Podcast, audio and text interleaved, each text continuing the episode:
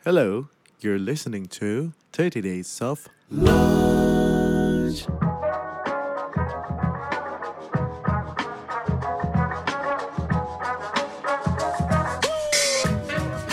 This might be you arriving for arisan at Pelataran.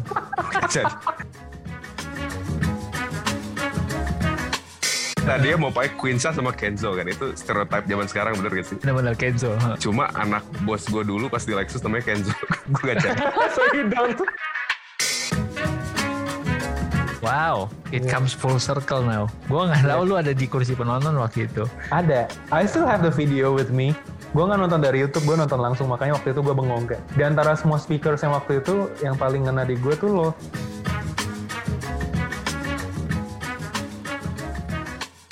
Lenovo kembali lagi dengan promo-promo menarik untuk periode Agustus sampai September 2021 dengan tema BTS. Ya, biar terus semangat, Lenovo mendukung untuk berbagai kegiatan kamu seperti work from home, learn from home, atau kebutuhan-kebutuhan kamu yang membutuhkan laptop canggih.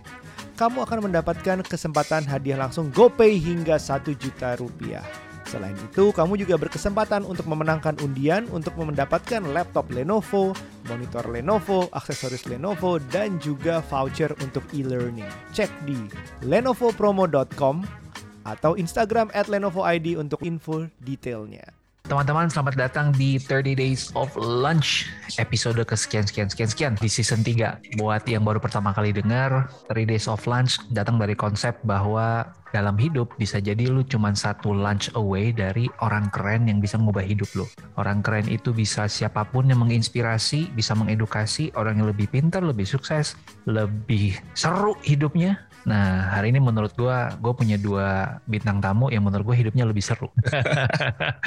Karena mereka punya eh, cerita yang luar biasa ditaruh di blog mereka, di Instagram mereka. Satu namanya Wheels Around Me. Mungkin udah Halo. pada kenal. Halo, Sali. Eh, Salis here. So glad to meet satu you, Bang. lagi, mungkin teman-teman tahu Instagramnya Layer of Stars. Halo, gue Egi. Eh gini suaranya udah kebapaan banget nih. Just uh, recently had a baby, so congrats again. Uh, Thank you. Just want to put this on the record. Thank you. In case berapa tahun dari sekarang anak lu denger. Happy-nya bokapnya waktu dengerin ini gitu ya. Gua pengen tanya satu hal sih yang sebenarnya gue penasaran banget, Sally and Egy. Hmm. Mungkin bisa kenalan dulu ke teman-teman. What is the story behind nama Wheels Around Me and the story behind Layer of Stars? Terserah siapa mau mulai duluan. Coba siapa dulu Sal? Ya udah gue dulu deh.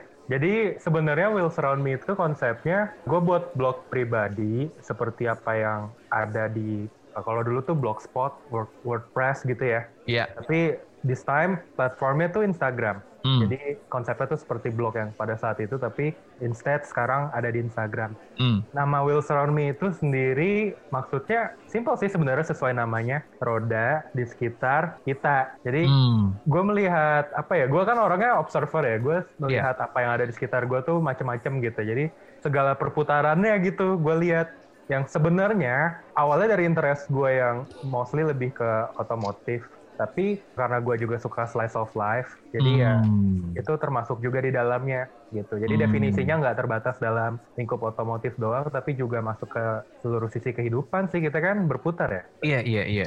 Dan kayaknya lu selalu pintar menemukan angle yang it's slice of life, nggak directly hubungan sama mobil, tapi lu selalu bisa mencari hubungannya, mencari konteksnya gitu. Itu sebenarnya semuanya based on apa yang gue lihat aja sih gue utarain Hmm, hmm. Ya kebetulan yang gue lihat dari POV gue itu Iya. adalah seperti yang biasanya gue ceritakan di Wheels Around Me gitu. Oke.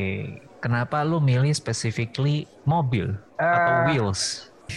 Uh, as what I said before, Wheels itu menurut gue universal, nggak cuma untuk mobil doang, tapi Iya. juga untuk berbagai hal di kehidupan kita yang semuanya tuh bergulir, berputar, like a wheel. I see. gitu.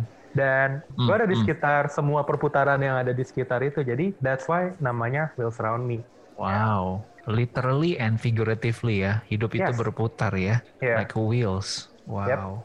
Oke, teman-teman gue sangat suggest untuk mampir sambil dengerin podcast ini. Kalau lo tangannya kosong bisa ngeliat handphone sambil dia nge-scroll ya Instagramnya Wheels Around Me dan you get the idea gitu the concept behind nah sekarang ke Egi deh Lair of Stars Eh, why Lair of Stars ya sebenarnya. iya iya Jadi dulu gue sebenarnya dimulai dagang Mercy doang sebenarnya gue dulu. oke spesifik Mercy ya Spesifik Oke. dulu dulu Instagramnya namanya JetBands ID dulu. hmm, hmm. Tapi hilang Instagramnya out of the blue hilang aja. Pokoknya gue pagi-pagi gue. WC buka. Instagram kalau out ya hilang tuh beneran hilang gak ada. Nah Terus pas waktu itu hilang gue kaget sih. Iya. jadi dulu sebenarnya emang gue sempet mau mengganti nama si JetBands itu.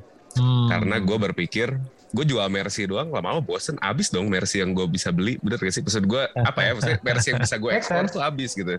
Dan Mercy second kan ya maksudnya? Ya meanwhile gue juga maksudnya gue bukan ada apa ya? Gue tuh bukan fanatik merek sebenarnya orangnya hmm. gue orangnya nggak fanatik merek sebetulnya nggak Ya. sama sekali gue fanatik Ya. merek akhirnya gue mikir kan apa ya namanya ya tapi masih Hmm. ada Mercy dikit akhirnya Stars itu dipilih karena pertama itu emang logo Mercy ya tapi ke sini sininya gue mikir stars itu adalah apa ya setiap brand itu ada starsnya masing-masing ada bintangnya Hmm. bisa setiap brand itu ada starnya atau setiap Mhm. era itu ada starsnya masing-masing nice yang kita pick itu adalah the stars only that could I make it see. to our I player see. Nah, gitu kalau gue bilang sih gitu Wow. Wow.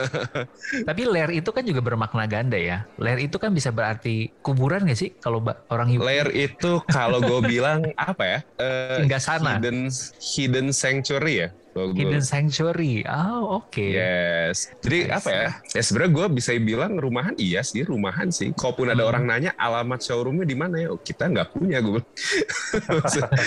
kadang di coffee Gua- shop, kadang di iya, gue di coffee shop. Gue ketemu di coffee shop. Saya Hmm, gue bilang kalau ada orang nanya alamatnya di mana ya, gue jawab Iya. rumah gue dulu. Iya, Rumah iya. kayak rumah gue di sini nih. Hmm. Tapi mau jadi gue tuh nyimpen mobil tuh somewhere in the middle of Bandung sebetulnya. Kayak ada Hmm. apartemen gitu, gue taruh aja bawah di basement ya. Ya, makanya gue selalu bilang kalau rumah gue di sini, tapi ya Hmm. mobilnya bawa sono. Hmm. Ya udah, tapi kalau lo mau ketemu ya let's meet, maksudnya offer a Hmm. cup of coffee no problem. Maksudnya gue malah Iya, prefer iya. gitu sebenarnya. So, Lair of Stars is you only or ada beberapa teman barengan? Ada tiga orang, tiga Oke. orang, Adit sama Adap. Oke. Nah, Dan uh, mereka of- berdua juga emang punya background yang mirip kayak lo di di, dunia otomotif atau gimana? kalau Adit pas gue ketemu emang udah dagang sendiri. Hmm. Kalau Adap dia pure photographer. Oke. Dia fotografernya pun sebenarnya interior design sebenarnya. Oh ya? Heeh, bukan bukan fotografer otomotif bukan, baru ngerjain foto-foto mobil semenjak bareng kita aja. Mungkin itu Wow. juga jelasin kenapa foto-foto di Lair of Star tuh kayak home living ya. Sebenarnya yang Hmm. gua yang gua suka dari foto si Adap ya, maksudnya di Lair of Stars ini adalah dia menangkap mobil tuh apa ya? Jadi kadang-kadang dia tangkap tuh essence ya, jadi kayak ambience dari satu mobil deh yang gue suka tuh. Bener. Dia bisa capture Eh. the mood. Ya capture the mood of the car gitu, maksudnya dia Iya. masing-masing Dan- mobil tuh ada moodnya loh, kalau gue rasa gitu. Ya emang itu kejaran kita sih sebetulnya Iya, iya. nge-immerse si viewer tuh dalam karena apa ya? Kita selalu mikir kenapa sih orang harus di-immerse segitunya? Mhm. Karena let's say follower kita sekarang 40 ribu. Ya. Kita nge-post satu mobil ini. Iya. Sebenarnya yang bisa nikmatin tuh mobil kan sebenarnya satu bayar doang kan sebenarnya 40 ribu. Iya, iya. ya why not kita share ke 40 ribu orang ini. Maksudnya lu Hmm, lihat hmm. fotonya pun lu kebayang lah at least gitu sedikit. Meski Indian yang beli itu mobil ya satu orang, lu gak bisa 40 ribu orang beli mobil itu gitu. Tapi Gitu. semuanya bisa nikmatin karya foto tadi gitu. Iya, itu emang emang itu kejaran kita. Ada juga yang menganggap kayak, uh foto mungkin Hmm. emang cara marketingnya begitu ya. Ya mungkin itu salah satu cara marketing mungkin. Cuma Iya. dengan 40 ribu follower tapi nggak 40 ribunya juga bisa menikmati mobil itu Indian. Itu tapi satu orang. Bener, bener, bener, bener. Kalau semua mau nyicipin 40 ribu digilir juga nggak habis tuh berapa tahun seorang sehari. Iya, keburu, keburu rusak. Ya, habis. Tapi ini yang gue suka nih ya, gue ini gue suka both dari Logi sama eh, Sali di Wheels Around Me. Kayak cara lu bercerita itu unik dengan cara lu masing-masing, walaupun sama-sama ngomongin soal mobil Hmm. dan you have your own voice. Eh, gue ngebuka Instagramnya Sali, pertama kali nih gue bump into accountnya, gue tuh nggak bisa stop loh scrolling. Thank you so much for the gue nggak bisa stop scrolling padahal menurut gue beda ya kalau kalau dibalik ya maksudnya foto lu kan bener-bener kayak ya udah slice of life gitu kan lu nggak mencoba untuk kayak jadi super estetik tapi yang Foto lebih juga menarik pakai device mobile phone. Exactly, pakai mobile phone kan. Tapi yang lebih menarik adalah cara lu bercerita di caption itu jujur dan reviewnya juga datang dari actual experience sehingga menarik banget baca komennya. Jadi postingan Sebenarnya- tuh bisa komennya bisa tim 200, 300 Terus gitu. komennya itu tuh mengungkap suatu yang sering kali gue belum tahu gitu. Jadi gue Iya. sebagai writer juga baca komennya. Oh gini, oh gitu. Jadi banyak tahu gitu. Banyak belajar dari komen-komennya juga. Uh, my question is, gimana lo berdua akhirnya nyampe ke your own voice tadi? Apakah lo emang nyoba atau emang lo udah decide dari awal atau it's just happenstance? Kalau gue pribadi, gue suka nyoba mobil. Terus emang gue suka mengomentari sebenarnya setiap naik mobil apa pun tuh gue suka mengomentari. Bos itu memuji atau bahkan ngatain tuh gue sering. Maksudnya gue, gue sering banget. Makanya itulah kenapa maksudnya caption di Lair of Stars itu gue bisa nulis setelah gue coba mobilnya sih sebetulnya. Hmm. Kalau mobilnya gue nggak coba, gue nggak bisa nulis sebetulnya. Lo ada Karena- ritualnya nggak? Kalau lo nyoba lo mesti gimana? Ritualnya ngalir aja sih sebenarnya, ngalir aja ngalir. Gue bisa sesimpel kayak denger lagu dalam sini, lo kok enak ya? Gitu. terus apa lagi ya? Baunya misalnya, The sense. the sense. Terus apa lagi ya yang bisa gue ini? Kencang suka, gue suka sih mobil kencang sih. Meskipun kadang-kadang mobil pelan pun bisa menarik buat gue. Sebenarnya pertimbangan cipta tuh mirip sih bang. Hmm. Gimana gimana kalau lo Sali? Sama kayak yang tadi kayak gitu tuturkan, gue suka nyoba mobil sama. Jadi Hmm. dari setelah proses nyoba mobil itu tuh gue menyerap berbagai hal yang gue proses dalam diri gitu kan. Oh ini gini itu gitu, tapi gue nggak lihat spesifikasi. Gue mengandalkan apa yang gue lihat saat itu. Spesifikasi. Oh bener. Ini hal yang Hmm. very Gitu. common loh di antara Iya. kita loh. Iya. Kita sama bang di sini. Nah, lu kalau lihat Lair of Stars itu kayaknya pedagang nggak ada spesifikasi deh. Enggak, nggak ada. Ya kan? Spesifikasi nggak ada, kan? tapi kayak cuman 20% dari total keseluruhan gitu. Iya ya, Iya, kayak kayak ada. gue gak terlalu suka sebenarnya ngobrolin Iya. spesifikasi. Itu Karena tuh gini. something that you can Google. Yes, Iya, menurut gue iya. itu juga itu sesuatu yang kalian kalau penasaran, kalian bisa cari source itu Iya. ada yang kredibel gitu Hmm. kan. Apa yang Hmm. kalian mau tahu tuh ada, tapi kalau soal vibe, sense, rasa itu belum tentu. Itu menarik banget loh. Gue jadi kebayang kayak gini sih. Lu bisa lu bisa bandingin spek nih ya. HP Android semua pakai Snapdragon 888 yang terbaru. That's what chipset. Tapi yang bisa tahu eh vibe-nya nih, ini kayak agak nge-lag di sini. Ini kalau lagi buka app-nya begini nih kayaknya cepetnya di sini nih, lambatnya di sini nih. Itu cuman lo yang bisa ceritakan setelah lo rasain kan. You can have Hmm. the same spec but it can be a different experience altogether gitu.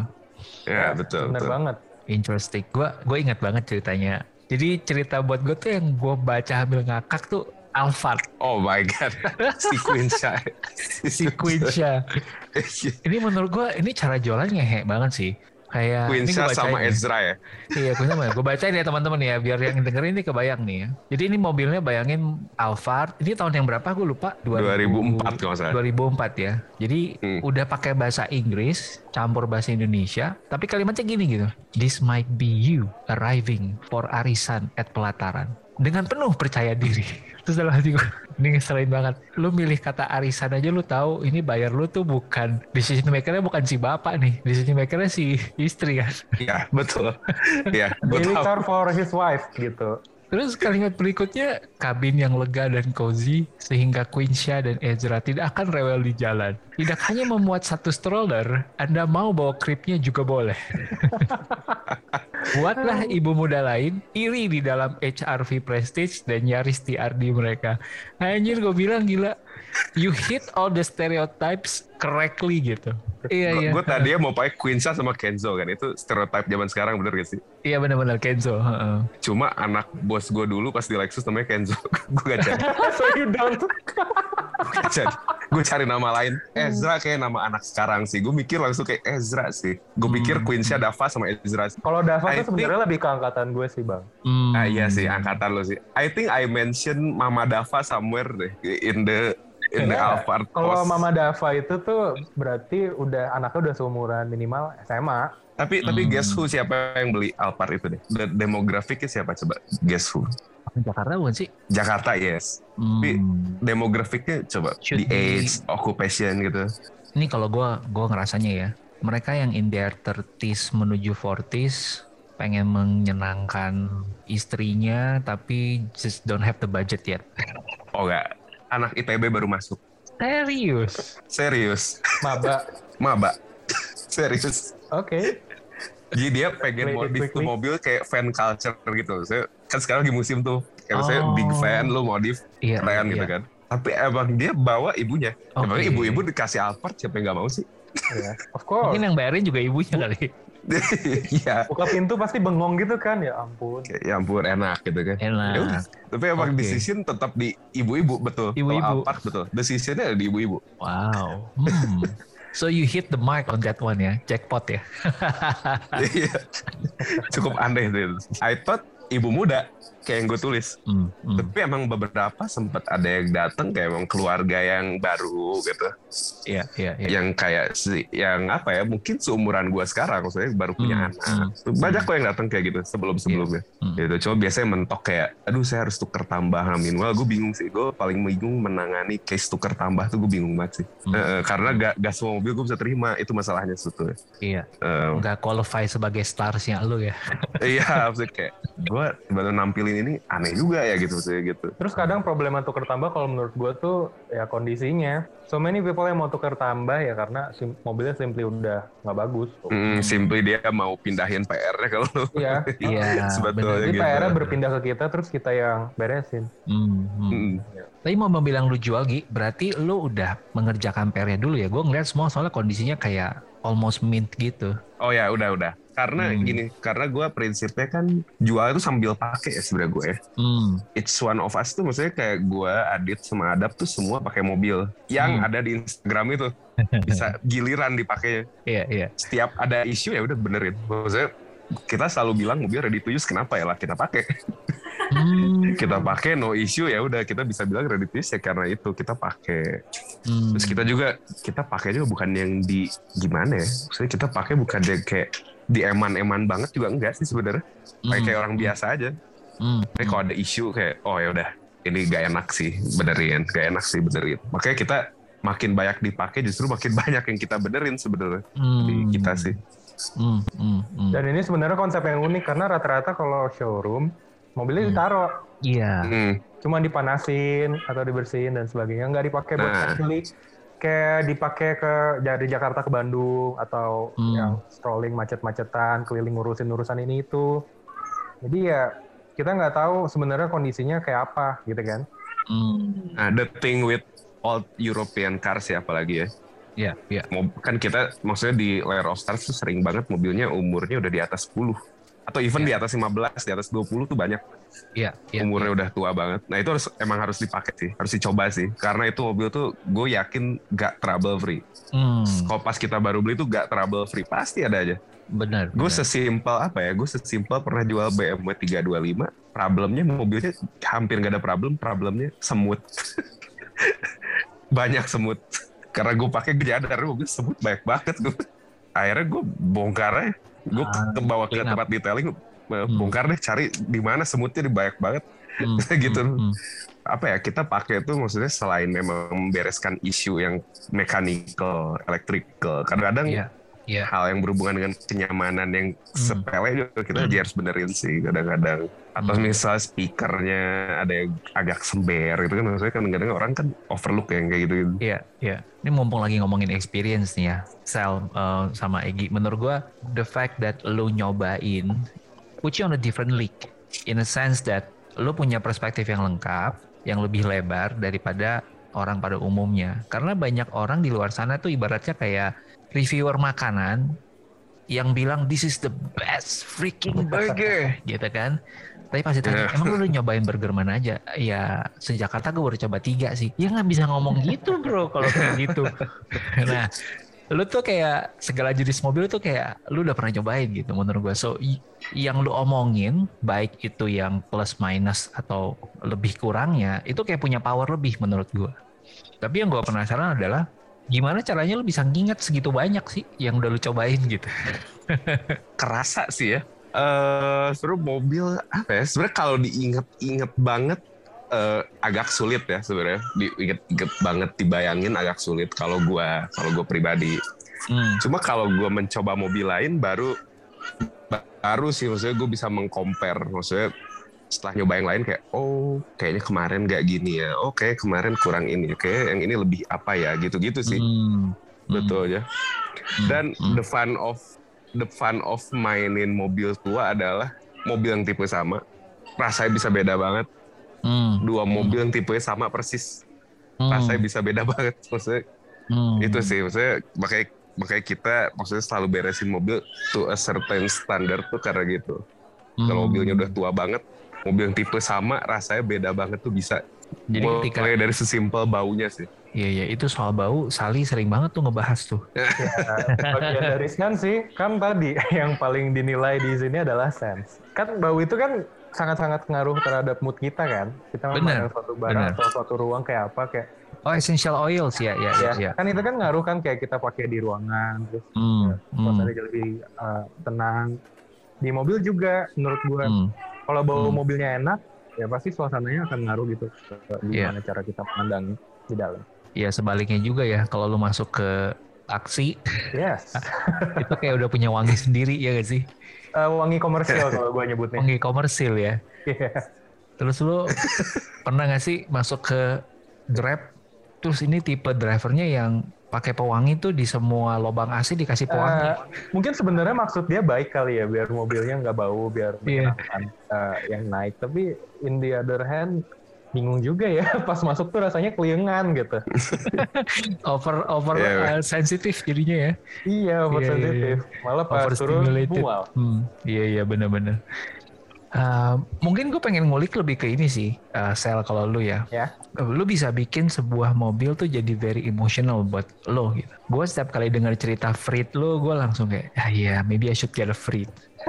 gue denger cerita lo yang yang Camry gue bisa relate tuh, karena bokap gue at oh one point in time too punya that Nggak exact same dibaca. V6 yang Oke. 2.4. ya Ya.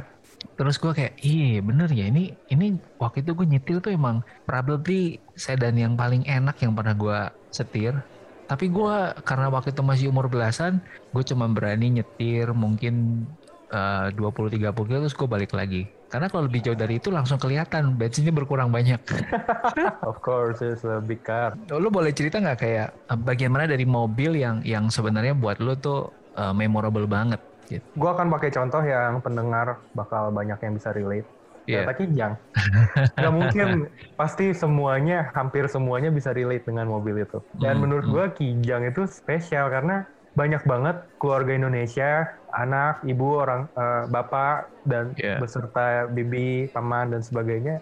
Ya Hmm. mereka get along bersama di dalam mobil Kijang gitu. Hmm, Jadi hmm. menurut gua itu mobil remarkable sih sama the very Indonesian taste of that car. Itu Hmm. part of Indonesian culture nggak sih Kijang Iya, tuh? bener. Walaupun dia buatan Toyota, dia bukan mobil nasional, tapi menurut gue itu sangat-sangat menggambarkan gimana sih orang Indonesia memandang sebuah mobil gitu. Hmm, Mungkin supaya moodnya dapet ya, sekalian kita puterin kali ini. Boleh, boleh. Teman-teman yang dengerin nih, mungkin ada yang bisa nginget ya, ini iklannya Kijang pada masanya nih. Iklan, coba kita bisa nebak nggak nih? Iya, gue play ya.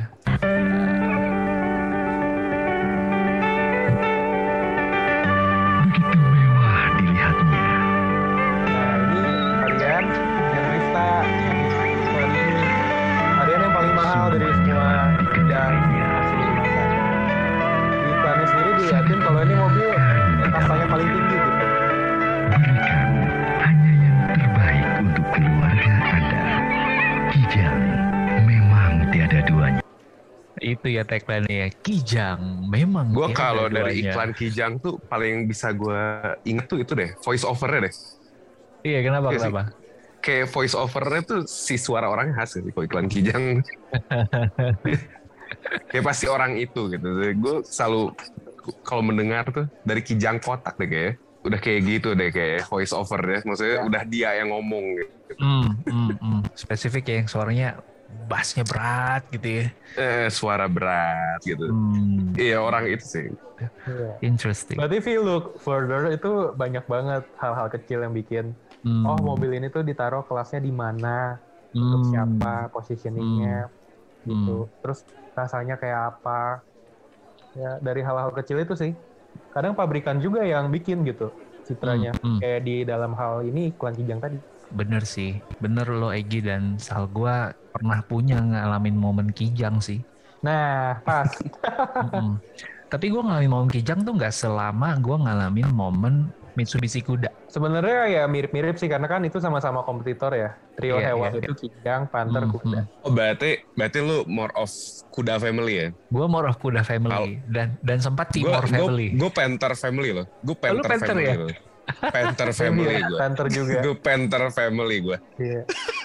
Sama. Gue gue berarti kelu- in fact keluarga gue berhenti jadi Panther family itu baru-baru deh kayak 2018 I guess. So lu Ah, keep on upgrading sampai model yang terbaru? Ya, gak lanjut lagi karena gak ada automatic. Gak lanjut lagi. Iya, gak ada Makin tua automatic. kaki semakin kan- lemah, capek Ya, manual. sekarang kan unbearable banget ya. Lu nyetir Iya, aduh. iya, iya. Maksudnya kalau manual terus mobilnya Panther gitu kayak buat Wah. daily activity udah kurang lah maksudnya. Iya. Ya iya, gak iya. lanjut karena gak ada automatic udah. Kalau ada automatic mungkin my family masih ada deh Panther deh kayaknya. Terus kita Iya. pakai Panther tuh sampai kilometer 250 ribu. 250 Wow. ribu baru Wow. pas kayak gitu. ya kayak gitu. Kacau tuh. Saya pakai emang parah gitu. Selalu selalu ada sih kok dulu Panther di rumah Iya. gue. Yang selalu Panther ada. Kuda. Tiga-tiga itu tuh MPV yang Indonesia banget. Indonesia Gimana banget ya. Dan gak ada model kuda kan di luar negeri apa ada? Ada, ada. Kuda sampai eh, baru belum lama ini dia discontinue di Filipina. Nah di Filipina itu dia kayak kijang di Indonesia. I see. Jadi lebih beken kuda di sana daripada Iya. kijang Kalau di Filipina lebih beken kuda. Oh Interesting. berarti kuda sebenarnya gue baru tahu loh kuda ternyata populer somewhere gitu. Maksudnya very Iya, popular di Filipina somewhere. bang. Oh, baru baru Oke. tahu gue beneran deh. Just like Avanza di sini sih. Jadi dia diperpanjang terus ada seri barunya terus Iya. ya kalau di sana. Oh enggak, serinya dari yang dulu dibikin Oh, terus. Oke, jadi same dari model tua. tapi di Iya, create dari terus. tahun 90-an akhir dulu sampai yang terakhir dia discontinue belum lama Hmm, sama. hmm. Tapi Panther buat lu tuh mobil apa ya? Kan lu tadi sampai berapa ratus ribu kilometer. Gua tuh sempat Hmm. ngalamin Panther cuman karena musim banjir. Jadi ada masanya Oh, iya. dulu yang gue tinggal di Gue kan area punya banjir, banyak pakai itu. Heeh. gue kan punya banyak iklan eh, mobil lama ya. Terus Oh, lu koleksi ya, ya. Hmm. iklan yang Panther tuh semua ngunggulin itu calot banjir gitu. Mungkin Ini dulu konsiderasi belinya itu kali. Eh tapi itu Iklannya mobil yang ada emang gak pernah rusak loh. Nah, Yang cering-cering juga hemat Oh, yes, gitu kan. ya. Pokoknya Panther tuh all about durability sih Hmm. sama And affordable to saving run. money sih kalau gue Ya, rasa saving sih. money. Iya, iya. Karena Saving money dari banget kan. iklan-iklannya gue lihat rata-rata nunjolin itu. Hmm. Bagaimana mobil ini bisa membuat Anda menjadi lebih hemat, lebih produktif, lebih Iya. bisa ke mana aja dengan uang minimal. Iya sih itu mobil nggak ada rusak. Cuma kalau akinya doang rusak mogoknya. Selain itu nggak ada loh. Hmm, hmm, hmm, hmm. Sal, gue kalau ngelihat kayaknya lo punya ketertarikan sama nostalgic stuff gitu kan, Oh iya, sure. dan sama era-era tertentu gitu. Iya. Apakah lo punya era favorit lo kayak I wish I can be stuck living in? Of course, I do. I do have. Boleh dong cerita dong kalau gitu dong. Era favorit, eh, oke gue kelahiran tahun 98, jadi Iya. eh, ya banyak era yang tidak gue laluin lah gitu. Tapi Hmm, hmm. gue pribadi paling suka tahun 2000 awal. Jadi menurut gue tahun 2000 awal tuh kita udah dikelilingi teknologi, tapi teknologi tersebut belum terlalu mengintervensi kehidupan sampai jadi yang kadang isolating atau disconnecting gitu. Hmm. Semua teknologi yang kita nikmatin sekarang itu tuh developmentnya udah ada dari tahun 2000 dan kayak udah banyak juga yang kita sebenarnya bisa enjoy dari tahun 2000, cuman dulu it will take uh, much more money in order Hmm. to enjoy it gitu. Hmm. Gue suka tahun 2000-an awal. 2000-an awal itu berarti kita handphone Nokia Kalau handphone, 3650. Iya, 3650, 7650, uh, 6600. Ya kalau Nokia seri-seri yang Symbian itu sih. 2000 awal tuh berarti 3-4 tahun setelah krisis moneter ya. Iya, Jadi orang vibe-nya, mood-nya masih kayak very positive looking kayak oh kayaknya Ya, masa depan akan lebih baik ke depan, gitu. bener. Karena ngeliat ke belakang juga pahit banget. Jadi yang dilihat ke depan. Iya iya iya iya. Jadi paling enak buat lu tuh bawa mobil yang di tahun 2000-an awal sambil dengerin musik 2000-an awal gitu. ya. Iya, betul. Sebenarnya anything yang sesuai Ya. periodnya sih kayak ya let's say musik tahun 90-an di mobil tahun 90, musik tahun 2000 I awal di mobil tahun 2000. I Ya, masuk banget. Karena kan ya itu tadi berkorelasi dengan visual yang ada di tahun segitu rata-rata gitu kan. Hmm. Buat teman-teman yang belum kebayang musik tahun 2000-an awal, eh, Westlife itu album pertama Nah. di tahun 2000. Bener. Boleh coba Westlife sih. Westlife pasti uh, mayoritas orang tahu. Iya iya. Kalau gue ngebut Michelle Branch mungkin orang nggak banyak tahu. Tapi Westlife. Iya tapi kalau Westlife pasti tahu minimal dua lagu. Yes yes yes yes yes. Jadi uh, with that in mind, lo juga bisa ngerasain bahkan momen-momen saat lo belum ada ya, belum lahir ya Sal. Lo pernah nggak nyetir mobil tahun 80-an dengar lagu tahun 80-an? gue pernah punya mobil tahun 80-an, Corolla GL tahun 84. Uh-huh. Terus dengerin Whitney Houston di dalam yang album pertama. How does it feel? Amazing. Sesuai dengan apa ya? Itu tadi kalau 80-an itu kan uh, kalau musik dia uh, gimana ya? Kayak agak ngedisco groove gitu ya. Hmm, hmm. Dengan synthesizer kan dulu orang sering yeah, dengan iya. synthesizer yeah. di zaman itu ya digabungin sama mobil yang tahun 80-an gitu nyambung banget ini mungkin udah apa ya udah agak-agak lebih spesifik kali ya jadi nggak semua orang bisa relate iya iya iya which leads me to my next point gitu mungkin kayak Egi kali ya karena selama ini gue tuh ngeliat mobil gue mencoba untuk bisa menikmati mobil seperti gue menikmati jam tangan. I like vintage watches. Gitu. Tapi gue somehow nggak bisa lebih dari ngelihat mobil sebagai a utility just for the function. Hmm. Kayak gue nggak bisa enjoy apa sih yang orang bilang uh, the joy of riding gitu kan. Uh, gue nggak dapet tuh, gue nggak dapet tuh. Tapi mungkin gue masih pengen nyari dan gue pengen mungkin cara gue diintroduksi salah gitu. Menurut lu bisa nggak tuh itu dicari? Oh, atau Menurut gue itu kayak Mercedes di Star. Serius. Nah, thank you loh, lo lo malah membantu gue loh. Enggak, tapi beneran soalnya. tapi gini, kan gue berapa uh, kali juga experience dengan mobil-mobil yang ada di Layer of Star gitu terus. Iya iya. I think you should try it too. Hmm, hmm. Karena PPKM ya, uh, gue coba. I think mungkin lo kebiasaan dengan mobil modern ya, dan menurut yeah. gue mobil modern itu feelingnya tidak sedistinktif mobil lama gitu. Hmm. Just like watches maybe like when we compare smart uh, smartwatch dengan yeah. uh, jam-jam yang vintage gitu kan hmm. beda ya esensinya. Hmm. Pasti lo ngerti kalau itu. Nah di mobil juga sama. Oh ya bocoran besok ada Mazda di Lair of Stars. For the first time. For the first time ada Mazda tiba-tiba. Oh, ya. Wah. Lagi di towing ke sini.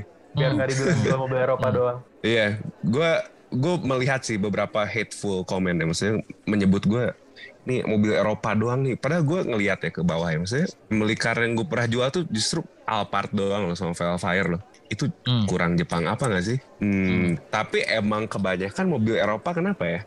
Karena sebenarnya it's use price point ya. Mobil Eropa yeah. tuh sebenarnya memberikan value tuh gede banget loh menurut gue. As long as you are willing to maintain it sih sebetulnya memang hmm. tidak hmm. dipungkiri ya. Maksudnya merawatnya tuh emang butuh ketelitian gitu. Iya, yeah, iya. Yeah.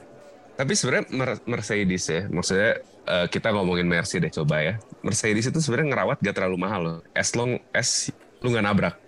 Lu kalau nabrak hmm. baru mahal banget sebenarnya Mercy itu oh iya? Kalau maintaining it for maksudnya for daily activity not not that expensive. Kok sebetulnya maksudnya kalau gue bilang ya. Maksudnya hmm. kalau misalnya lu bandinginnya sama sedan lagi sih tapi maksudnya hmm. bukan sama bukan sama Avanza. Kok Avanza sih? Itu gak sih bisa. emang Nggak bisa itu sih mah itu itu makhluk astral sih kalau gue bilang Avanza. Itu gila sih menurut gue maksudnya ada ada mobil kan sesuatu yang kompleks ya, mechanically yeah. ya maksudnya. Yeah. Tapi lu bisa neglect an Avanza gitu, lu bisa abaikan Avanza terus perawatan bisa lu abaikan terus dia bisa jalan. Simpel lu nggak bisa apa ya? Lu nggak perlu ganti oli sekian lama dan dia tetap jalan aja. Jalan aja. Walaupun jadi iya. tambah lemot, tambah boros, of course. Tapi iya. dia bakal jalan. Tapi dia jalan loh. Function aja. Iya, iya. Hmm, nah mobil mobil Europe ya mungkin memang lu perlu apa ya lu harus ada willingness sih tuh yeah, untuk iya. ngurus yeah. sih. Yeah. Dan pakainya sih sebenarnya gue ngelihat orang Indonesia tuh kadang-kadang mobilnya rusak karena nggak dipakai loh. Orang Eropa, maksudnya yang pakai yang mobil Eropa. Mm. Kayak gue punya temen ya, maksudnya dia mobil gak pernah pakai segala macem, rusak-rusak aja loh. Maksudnya kayak apa ya, gak dipakai tapi gak diurus juga masih mm. sebenarnya masalahnya. Mm. Harusnya yang lu lakukan adalah kalau lu mau pakai ataupun enggak diurus tuh harus sih. Maksudnya ke bengkel general cek kali-kali itu tuh harus sih. Hmm. sebetulnya gitu.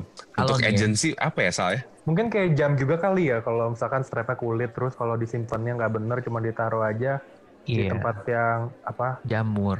Uh, jamur atau enggak dia bakal crack parah. crack parah. Iya iya ya yeah. same goes to car Iya, iya. Gua tuh kemarin udah sempet nanya Gi nge-WA Hmm. ke Lair of Stars. Audi Q3 lu. Oh, oh ke Adit kayak nanya ya. Oh jadi Eh, lu oh, sempet iya. nanya ke Lair of Star. Gue udah sempet nanya Lair of Stars. Jadi sekian lama gue follow tuh kayak, aduh, ada dua kali momen yang gue tergerak banget. Yang pertama waktu lo uh, baru recently sih, yang yang Mercy tahun 1986. Oh Tiger berarti ya Tiger. Tiger. Wah gila The nih warna. Blue One gak sih? Yes, warna ini unik banget. Terus 86 lagi cuy tahun gua kan. Cia, Iya bener sih. tergerak lah, ya kan. Terus gue jadi Eh. penasaran. Terus gue tanya ke bini gue. Terus dia cuma bilang gini, kalau mogok gue nggak mau bantu dorong. Oh ya udah oke.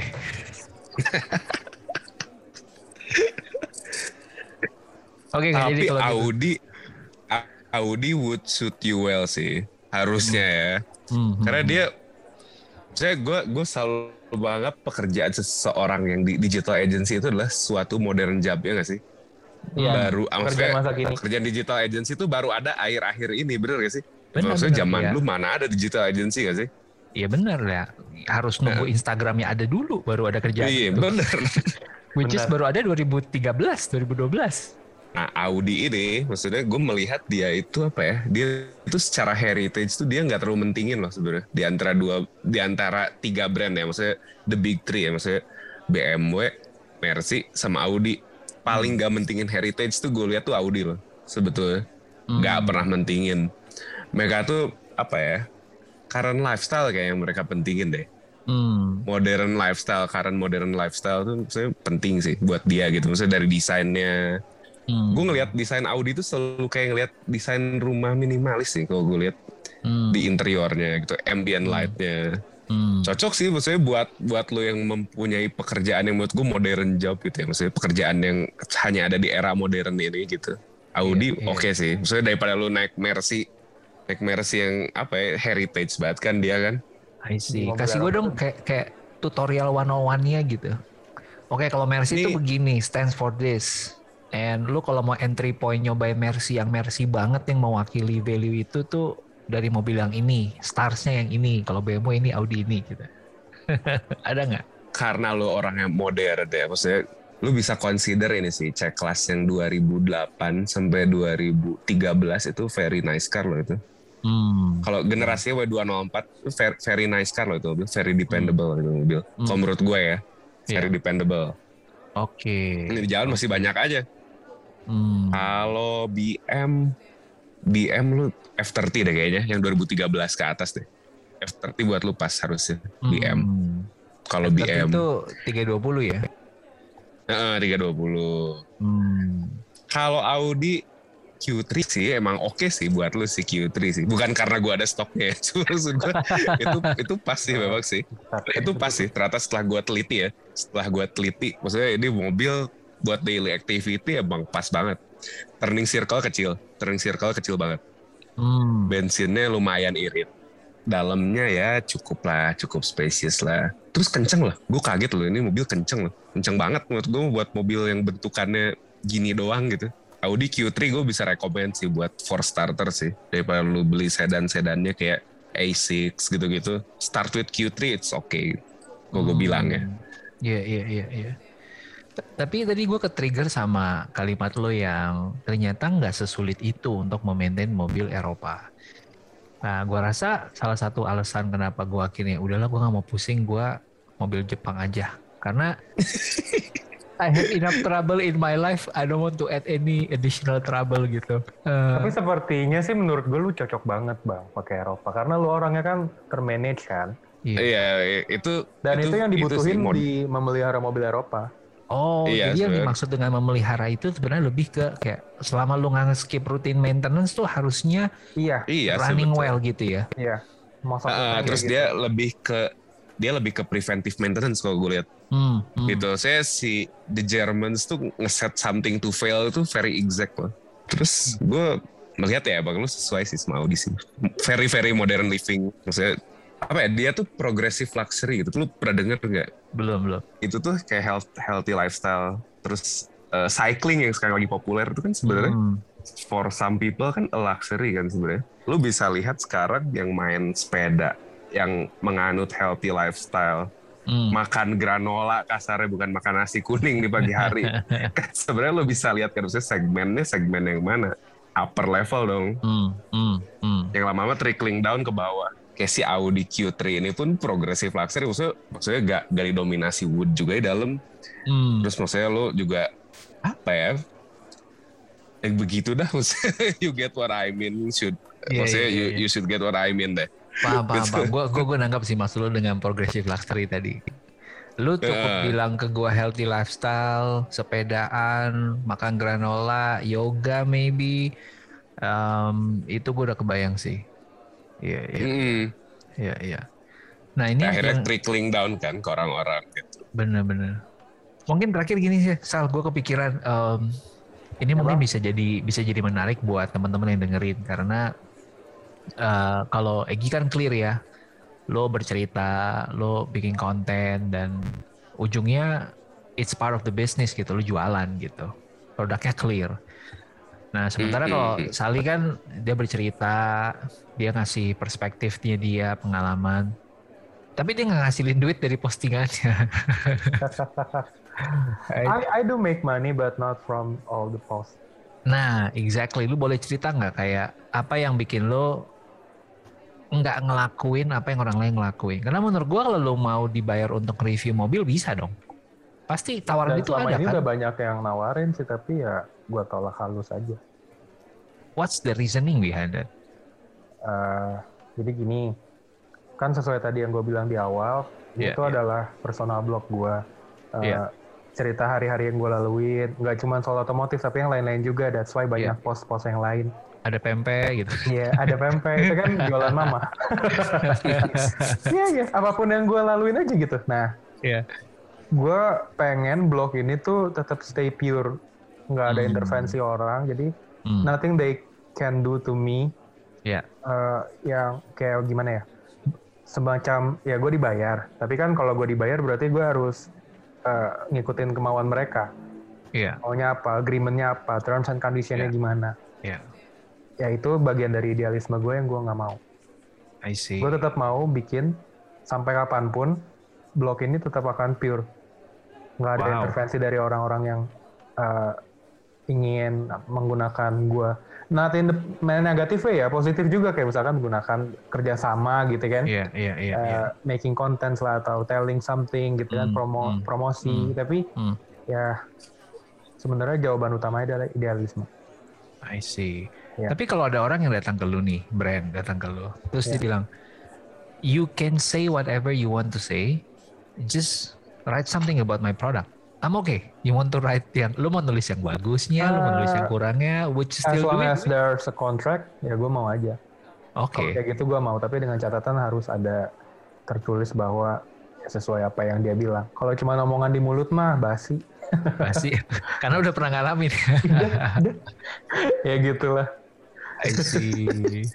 Tapi yang terakhir kali nih Sal yang uh, soalnya kita kan pernah ngobrol gitu kalau nggak salah uh, kita lagi ngobrol waktu lagi ngebandingin uh, in a in a specific budget kayaknya lebih asik mana gitu kan. Dan di yeah. di apa ya di kelas yang serupa tuh CX-5 CX-5 sama Foxy.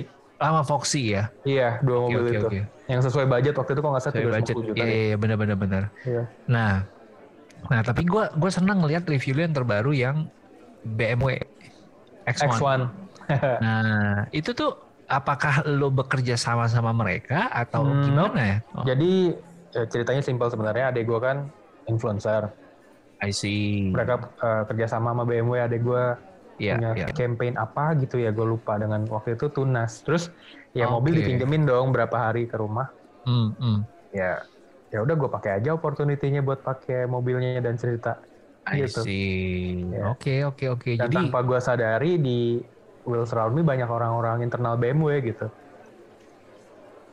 Ya mereka akhirnya muncul deh ke permukaan gara-gara gue uh, bahas mobil itu. Muncul ke permukaannya gimana nih? Apakah dalam Tahu -tahu artian... approach approach ke DM. Oh ya? Approach ke DM. Yeah. Terus terus terus what happened? really like your review gini gini gini gitu gitu gitu. Mm, mm, mm. Ya, compliment sih. I see. Padahal sebenarnya gue gue bilang bilang aja sih jeleknya waktu itu kayak ada jeleknya inilah itu tapi kayak ya tercover sama bagusnya karena balik lagi it's a very good product. Wow, lo mengingatkan gue sama masa-masa gue masih food blogging sih. Nah, gue yakin pasti lo relate sama blogging bang di food Iya blogging iya dulu. iya. Oh lu makanya di FNB sekarang karena karena dulu lu food blogging ya berarti ya? Dulu gue 2008 nulis tentang makanan di blog gue sampai 2018 gue masih nulis jadi 10 tahun. Tapi ya lima tahun terakhir blog itu udah bukan udah kayak ya gue nulis cuman sesekali banget paling sebulan satu gitu. Tapi Iya, mumpung masih ketemu di depan muka nih, gue mau confess something kayak Oh iya iya. iya. yang Boleh, jadi kan gue gue tahu lo bang waktu itu kan pas yang buka talks kan yang Iya. 2018 lalu Mm-mm. videonya ada di YouTube anyway kalau ada yang mau lihat di search aja karena itu kontennya bagus menurut gue. Mm, terus, thank you thank you. Uh, waktu itu gue datang sana langsung. Uh, Wait, gua lo udah di sana langsung? Iya, Oh, Oke, lo di penonton berarti. iya gue tonton. Terus waktu itu gue Wow. ikut teman gue nge-approach lo pas lo mau turun ke elevator. Oke. Iya. Oke. Tapi gue nggak posisinya waktu itu gue nggak tahu lo siapa bang. Oke. Jadi Hmm. bener-bener kayak tadi gue ngeliat mobil, gue nggak lihat spesifikasi, gue cuma lihat apa yang ada di depan mata gue saat itu. Gitu. Oke. Terus Oke. waktu itu kan lo bahas yang termasuk ngebuka itu juga kan yang kayak how did you get to sampai ke Netflix ya waktu itu. Iya iya iya iya. Ya. Kayak lo ngebahas di awal itu yang utilize sesuatu gitu kan. Apa yang lo punya sekarang kayak bisa Hmm. menghasilkan apa gitu. Let's say waktu itu lo uh, ngelakuin blogging itu dari handphone, Iya iya ya, an iPhone. Iya. Which waktu itu gue baru start Wheels Around Me dengan ratusan followers. And I, I Wow. only have my phone with me. Hmm, hmm. Setelah dari show Buka Talks itu gue benar-benar terinspirasi. Makanya Wow. sekarang. Karena gue Wow. ngeliat kayak dia aja bikin kayak bener bahwa si handphone ini tuh bisa bikin something gitu. It's Iya, just a iya. phone. It can make so many impacts. Iya. Itu, itu sih dari situ. Terus habis itu gue ngulik dong apa yang lo post gitu kan waktu itu. Hmm, hmm, Instagram lo juga masih belum seramai sekarang kayak hmm, buku juga jauh dari kata ada masih jauh belum ada buku terus gue lihat post lo gue tertarik gitu kayak banyak konten-konten yang uh, engaging kayak oke I should move gitu Hmm, ya dari situ sih hmm. gue terpancing terus gue Wow. mengagumi Wow, it Iya. comes full circle now. Gua nggak tahu lu ada di kursi penonton waktu itu. ada I still have the video with me gue nggak nonton dari YouTube gue nonton langsung makanya waktu itu gue bengong kayak di antara semua speakers yang waktu itu yang paling ngena di gue tuh lo Waduh, gue jadi pressure nih. no it's not It- itu compliment kayak tapi itu kan dulu ya itu yang gue iya, rasain iya. dulu itu Thank you, thank you. Nah teman-teman mungkin kalau ada yang dengerin, um, mana tahu Coba ada dibuka deh buka talks yang 2018 kalau Ah. dicari di YouTube ada sih masih ada. Terus lihat pas bagian Alexandro Ruby itu gue sangat-sangat rekomend untuk lihat. Thank you, thank you, thank you, thank you, thank you. Mungkin nggak lama sih itu kan sesinya nggak lama ya, tapi Iya, 12 minutes. Hmm. impactnya tuh oke kayak lo lo kayaknya sih lo udah bener-bener prepare si presentasinya di iya. pack gimana dalam waktu segitu tuh semua yang ingin lo sampaikan tersampaikan. Dan menurut gue tersampaikan semua. Wah gila, gue ikut senang Sal. Masuk gue sekarang Around Me juga ada di fase yang bahkan lu menseleksi followers ya sekarang ya. Iya, I, account private. Ya, gue udah capek aja sama orang-orang nggak jelas gitu yang mampir terus ngerusuh nggak jelas. Iya, Jadi, iya. Ya itu tadi balik ke idealisme gue. I Hmm. want to make that place seperti yang gue mau. Jadi ya udah Hmm. dengan konsekuensi pertambahan uh, growth-nya tidak se Se- dulu, tapi dulu. uh, ternyata ini aiming yang lucu loh kayak kualitas tuh bisa jadi lebih uh, engaging untuk diri sendiri gitu daripada kuantitas. Dalam Iya. hal ini dengan gue private ini benefit untuk diri gue ya, bukan buat Iya, orang iya, kayak iya. gue cerita aja. Gue jadi kenal lebih banyak orang yang tadinya cuma numpang lewat di hidup gue gitu, jadi Hmm. gue jadi kenal satu persatu Hmm. karena interaksi yang tadinya kan datang dan pergi it comes and goes itu Iya. sekarang jadi dalam satu circle dan gue bisa lebih menelusuri orang-orang yang ada di dalamnya gitu loh I see. jadi kenal ini jadi kenal itu ternyata ini Hmm, ternyata itu hmm, hmm. itu yang Amazing bikin ya. gue decide untuk tetap log sampai saat podcast ini dibuat tapi sebelum gue memutuskan untuk log itu kan ya growth-nya kan cepet banget ya Hmm. ya gue terinspirasi dari konten lo yang waktu itu Wow, so happy to hear. And dan thank you gua gua senang sih karena sekarang kita hidup di zaman yang kita tuh punya kesempatan yang luar biasa yang 10 tahun yang lalu nggak ada kesempatan Gak ada, ini. nggak gitu. bisa. Kita nggak bisa reach orang sebanyak ini dan bahkan ngelakuin conversation kayak gini tuh ya berkat zaman sekarang.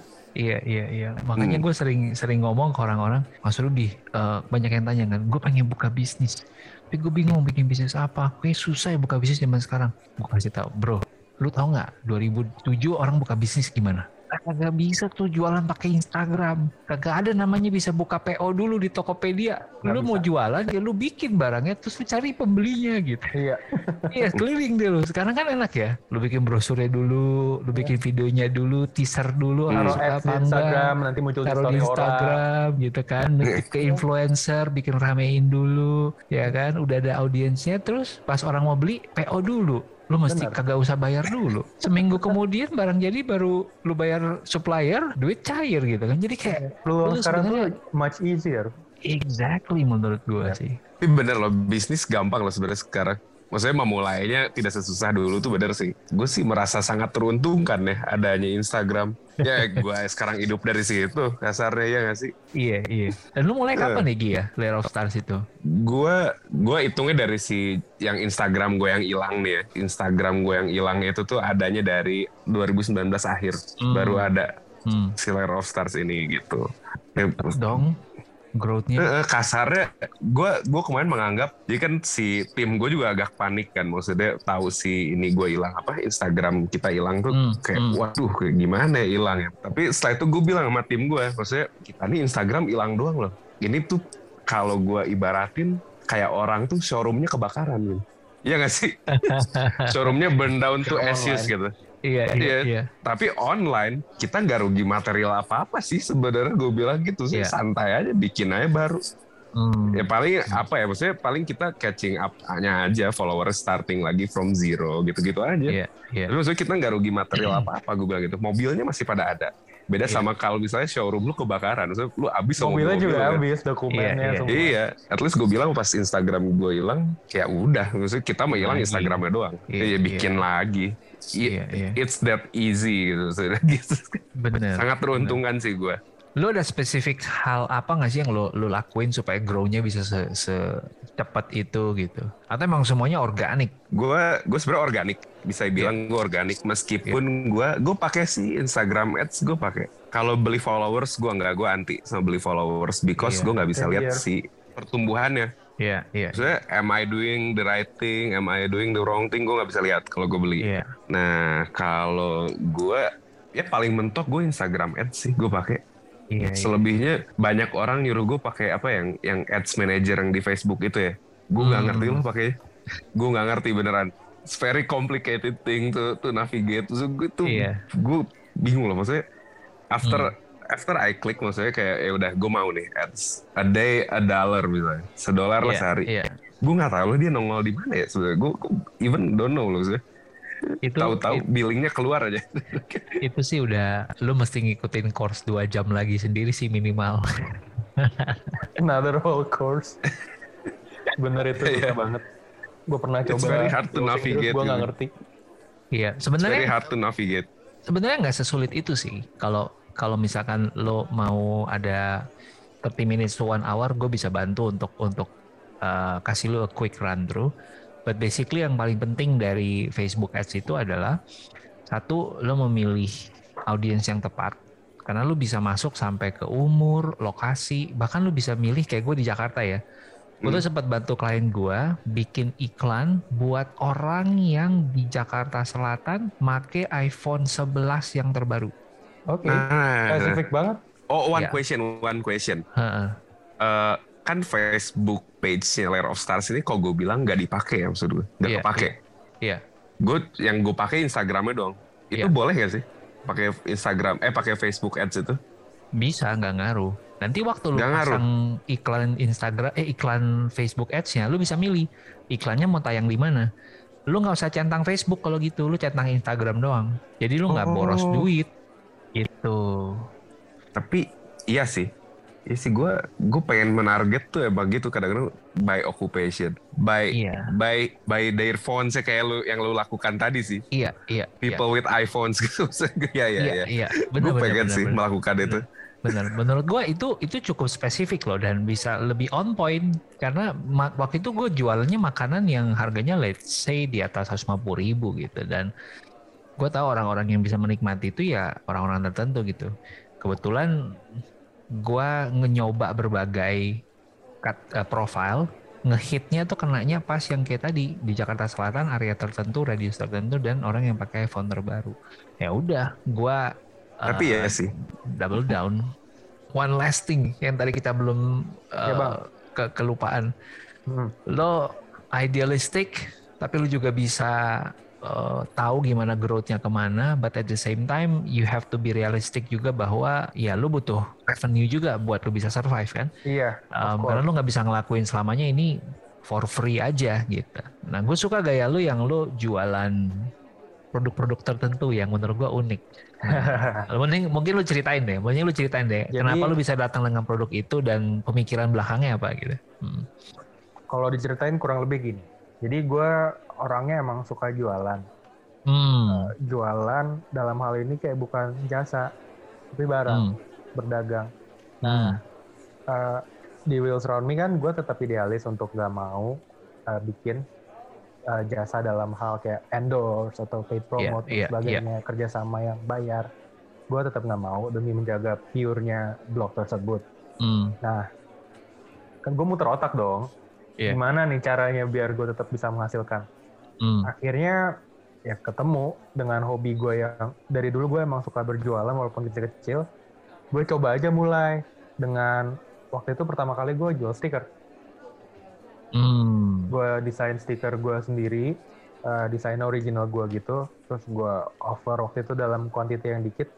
Hmm. Responnya bagus. Mungkin waktu itu orang ini kali ya kayak engagement di akun gue kan tinggi banget Yeah. Karena gue kan interaktif, nggak cuma satu arah, dua arah. Jadi yeah. kayak it seems like they know me in person gitu kan. Walaupun yeah. mungkin gue nggak kenal mereka. Terus kayak ketika gue menjual suatu barang, mereka kayak ah beli ah gitu. Itu sih yang akhirnya kok lumayan akhirnya gue expand perlahan-lahan desainnya nambah terus mm. gue jual items yang lain-lain di Tokopedia mm. sih uh, mm. marketplace Tokopedia gue expand gue uh, tambahin terus tanya orang maunya uh, gue jual apa sih gini-gini hmm. gitu-gitu hmm.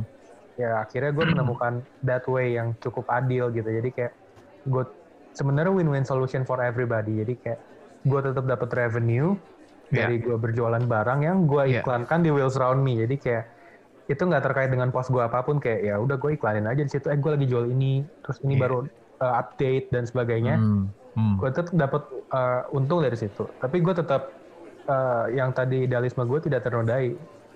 I see. Dan orang juga ngelihatnya tetap sesuai. Uh, kan orang kan banyak yang maunya ini ya.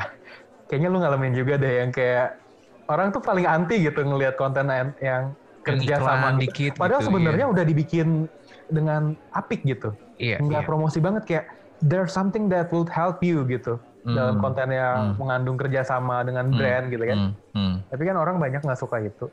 Nah ini di blog gue advantage-nya adalah mereka nggak akan lihat yang kerjasama kayak gitu. Dan hmm. ya yeah, that's why they stays menurut gue gitu. Iya iya iya. Ya, mereka tetap ada di blog gue uh, stay tune to my contents karena ya semua kontennya nggak ada yang uh, kerjasama dengan suatu pihak tertentu gitu. Yeah, Bukan yeah, gue yeah. ngejelekin yang kerjasama karena gue juga lah adek gue aja influencer endorsannya banyak banget. Tapi ya itu cara gue gitu. Cara gue dalam yeah. mempertahankan idealisme gue iya yeah, iya yeah. kan gue harus putar otak dong. Nggak mungkin kayak hmm. yang lo bilang itu kita harus realistis. Nggak mungkin. Bener. Berjalan terus dengan free. Kalau gitu semua waktu yang gue tuangkan untuk platform ini untuk apa? Bener bener. Jatuhnya pengangguran dong gitu. bener bener akhirnya bener. ya hasil putar otak gue itu jualan gue pakai jadi, jadi in short gue pakai audiens yang gue punya di depan mata yang engagementnya tinggi yang sudah sangat engage antara gue dengan dan hmm. mereka dengan gue hmm. untuk the, uh, gaining the trust. Hmm. kepercayaan jadi kayak makanya gue bisa kayak jual suatu produk nih lah saya jual kalau gue jual handphone gitu kan atau gue kan udah berapa kali jual gadget terus uh, orang tuh langsung beli aja udah. Udah percaya. Sal sal. Udah percaya. Sorry sorry kalau ya. pempek termasuk produk lu gak sih? Itu mama ah, saya, tapi kan gue yang promote ya. Dalam waktu itu Tapi itu iya sih. Itu waktu itu bikin dalam rangka nyenengin mama. Soalnya waktu itu dia sedih gitu karena suatu permasalahan. Terus Iya, iya, iya. ya udah kita coba uh, kan recover. kan we are your loyal customer Sal. thank you kayak aduh. Jadi lu sama istrinya nih sering banget beli di uh, pempek di nyokap gua Iya, iya, iya, iya. itu kalau yang pempek itu project gue nyenengin nyokap sih ya ya itu tadi gue gunain platform gue aja untuk Hmm. yang dengan trust yang gue udah punya dari audiens Iya. untuk apa yang gue bisa lakukan gitu Iya, iya. Gue ngeliat ada connecting team sih antara lo, Sali, Egi, dan gua. At least dari cara Apa kita itu? mengonten ya. Ya. gue suka lo memisahkan bagian jualannya lo dengan kontennya lo. Um, dan produk yang lo jual pun masih ada hubungannya. Tetap ngasih value ke orang kan. Iya. Gitu. Si stiker sama si Bener. iklan yang jadi ketika mereka beli banget. tuh mereka senang bukan karena kepaksa demi gue Yes. karena mereka emang mau itu Mau support juga kan. Iya mau support tapi mereka juga mau produknya gitu. Mau Gimana produknya. caranya jadi biar menarik, biar useful. Yes, yes. Dan um, in terms Dan of jujur tadi- itu emang harus agak putar otak ekstra tapi worth it. bener bener bener bener. Dan in terms of bikin konten juga menurut gua satu yang kayaknya sefrekuensi adalah um, walaupun Egi jualan tapi dia tetap ngasih value gitu di dalam kontennya. Bahkan gua dengan senang hati ngebaca gitu. Oh ternyata ini begini. Oh, Padahal dia lu lagi tahu lagi jualan. gue tahu dia lagi Tahu jualan banget. gitu kan Iya. Nah. gitu Iya. dan mungkin cara yang sama juga yang gue lakukan selama gue mulai akun gue juga di 2018 gitu gue pledge ke diri gue sendiri sebisa mungkin gue itu 80% konten itu tetap buat audience 20% kalau ada brand yang mau kerja sama ayo Oh Dan berarti kalau pas ke- gua baru follow dulu itu tuh baru ya? Belum lama? baru baru gue kan baru mulai Oh. 2018 Iya iya iya. Sama Iya. kita mulai 2018. Nah, menarik nih. Jadi Egi juga 2018 tuh. Nah, Iya. terus Iya, kalaupun- 2018 juga gue. Ya udah our year deh 2018. Iya. nah, ke- terus kalau misalkan ada brand yang mau ajak kerja sama pun, gue biasakan bilang ke brandnya, "Eh, mohon maaf nih, ya, kalau ini postingan karusel ada 10 slide, ya mungkin lu dua slide maksimal. Yang delapan ini, gue harus tetap kasih manfaat buat pembaca gue, buat followers gue. Kalau nggak bisa, ya nggak apa-apa. Kita cari cara lain. Mungkin lo nggak harus di Instagram gue, mungkin di Instagram orang lain.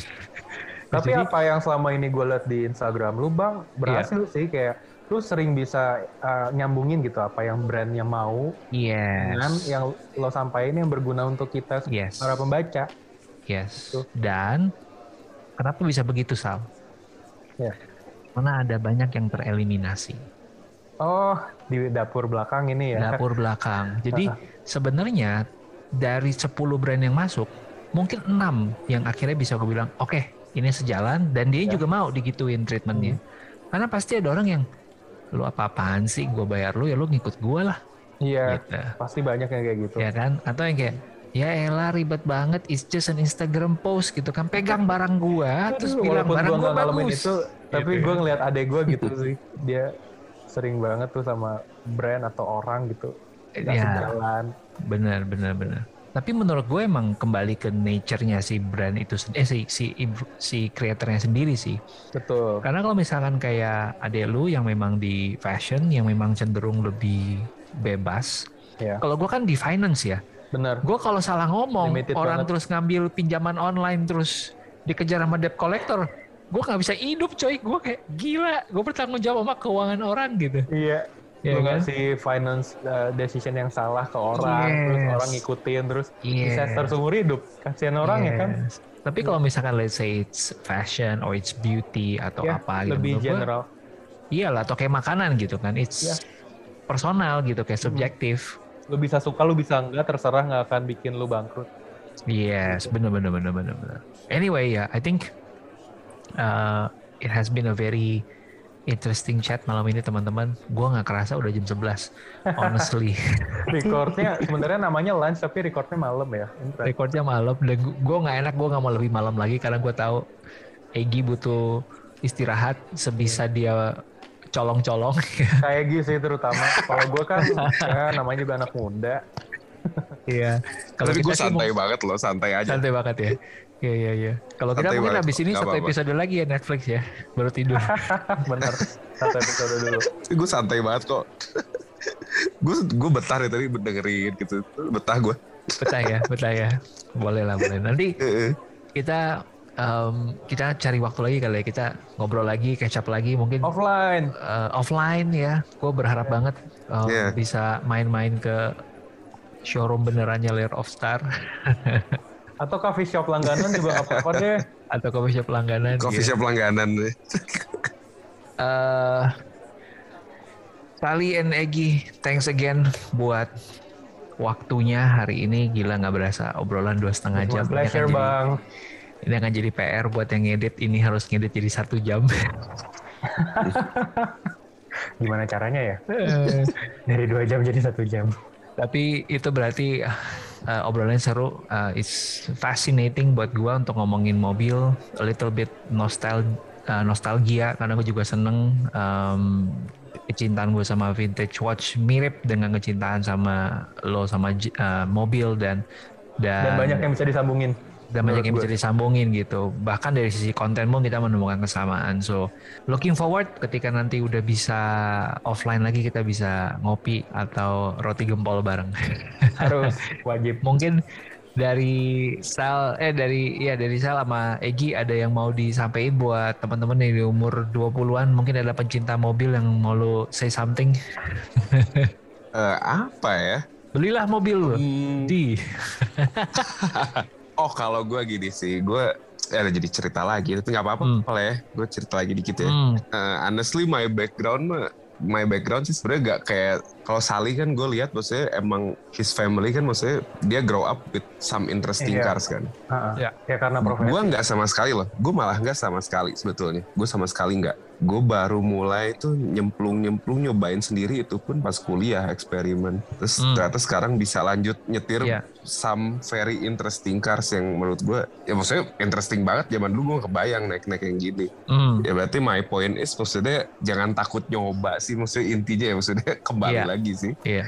Jangan takut mencoba hal sesuatu hal sih. Even maksudnya background lo sebenarnya gak ke arah situ dulunya gitu. Gitu hmm. kalau gue bilang. Tapi kelihatan lo all in sih menurut gua kayak interest lu di sana lu taruh hati lu perhatian lu lu niatin gitu nggak setengah-setengah menurut iya iya gue hmm. gue emang kayaknya nggak ada hal lain yang gue tertarik kecuali mobil emang oh, makan makan gue tertarik cuma kalau mobil kayak whole different level sih mobil parah sih Gila. sangat tertarik lu cari ketertarikan lu ya Sel gimana Sel? Ada yang mau ditambahin? Pretty much the same sih. Find your what your interest gitu. Jadi kayak lo sukanya apa? dan dari situ tuh banyak banget yang bisa dikembangin anything hmm. Hmm. sampai apa ya eh, nggak uh, harus hmm. mobil gitu kucing kucing lo suka nggak lo suka AC aja tuh bisa gitu oh iya AC ada orang yang do you remember my friend who like AC Iya iya iya iya. Ya itu bisa dan followers tuh banyak loh. Kayak hmm, hmm. jadi ada orang-orang lain juga yang punya ketertarikan di bidang yang sama yang menurut society cukup aneh.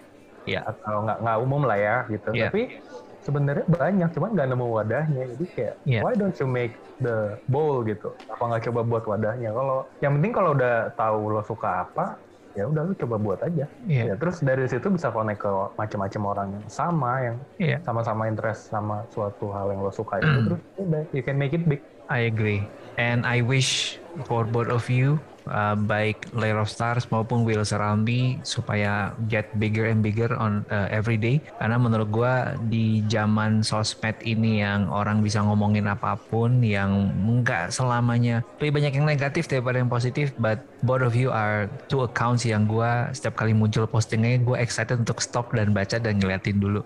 Gitu jadi thank you so much uh, thank you thank you. gue sangat senang banget dan teman-teman semua sekali lagi gue juga sejalan sama yang mereka sampaikan apa yang menjadi keunikan lo apa yang menjadi cerita lo jangan lo remehkan bisa jadi itu yang menjadi kekuatan yang orang lagi butuhin gitu. Uh, Sali dengan backgroundnya dia gitu ya, ternyata bisa dibawa ke sekarang gitu. Bahkan Egi yang backgroundnya nggak ada hubungan sama mobil, bisa ada hubungannya bisa dibawa ke sekarang. So, hopefully obrolan ini sudah menjadi obrolan yang cukup fun buat teman-teman. Kita keluar dari uh, pagar kita biasanya. Gue percaya sesuatu yang inspiring itu tidak melulu harus datang dari pembicaraan soal karir atau soal bisnis, tapi juga bisa datang dari sesuatu yang lebih dekat ke hobi atau passion seperti ini. So, if you enjoy this episode, please say thank you to Egi and Sally dengan post ini di sosial media lo, di Insta Stories lo, dan tag Wheels Around Me and Layer of Stars. Sampai ketemu di next uh, lunch. See you. Dah. Thank you so much. Okay.